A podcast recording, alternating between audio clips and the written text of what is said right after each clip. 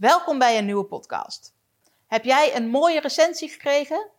Ik hoop trouwens dat je over deze podcast ook nog even een recensie achter wil laten. Vijf sterren? Zou top zijn.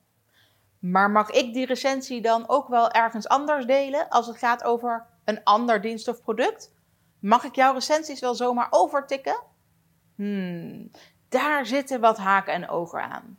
Dus luister verder voor het antwoord. Charlotte, de social media jurist van Nederland. Het is natuurlijk fantastisch als je een review of een recensie krijgt. Per e-mail, op Google, via van die speciale referentiesites. Um, of op een andere manier. Hartstikke top. Maar op welke manier mag je dat nou delen? Allereerst heb je natuurlijk gewoon toestemming nodig van degene die jou die recensie heeft gegeven om dat te mogen delen. Dus krijg je via DM een tof compliment toegestuurd, check dan vooral wel even of je dat als screenshot nog mag delen in bijvoorbeeld een post of op je website. Als de recensie is achtergelaten op Google, super tof. Kun je dat embedden? Ga vooral je gang en embed het. Wil je het ergens anders nog kunnen gebruiken, op je website of op social media? Zorg dan even dat je nog om toestemming vraagt. Want je verspreidt dan namelijk zo'n recensie door het te kopiëren, waardoor het eigenlijk een inbreuk zou zijn op het auteursrecht. En er zijn natuurlijk bepaalde persoonsgegevens die eventueel te zien zijn, zoals een voor- en een achternaam. Dat vindt iemand misschien op de ene plek prima en op de andere niet.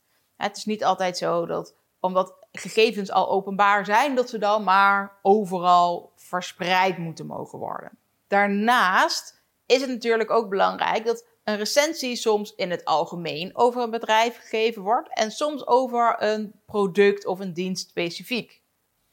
Dan kan het natuurlijk zijn dat degene die de recensie geeft prima vindt dat jij die recensie gebruikt bij dat specifieke product of bij de specifieke dienst maar dus niet over jou als bedrijf algemeen. Of juist andersom, dat een recensie over jou in het algemeen ja, nog niks zegt over een specifiek uh, product of over een specifieke dienst.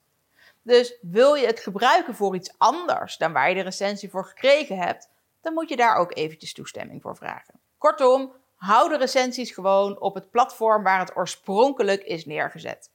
Kun je het embedden? Ga dan vooral je gang. Wil je daar zelf andere vormgeving aan geven? Wil je het kopiëren en dus nog op een andere manier gebruiken, zodat het ook op andere platformen terechtkomt? En wil je dus recensies bijvoorbeeld overtikken? Dan heb je heel even toestemming nodig, al is het maar vanwege een mogelijke inbreuk op het auteursrecht. En laten we wel wezen, als jij het vriendelijk vraagt aan je klanten, zeggen ze meestal juist ja. Vraag je het niet en doe je het gewoon, dat is waar de meeste mensen een probleem mee hebben. Mocht je meer vragen hebben over het gebruik van recensies en hoe dat wel en niet mag, niet alleen over het auteursrecht en privacy, maar ook gewoon als het gaat om misleidende reclame bijvoorbeeld, boek dan vooral een oploskoffie via www.oploskoffie.nu en dan help ik je heel erg graag verder. Vond je dit een nuttige video?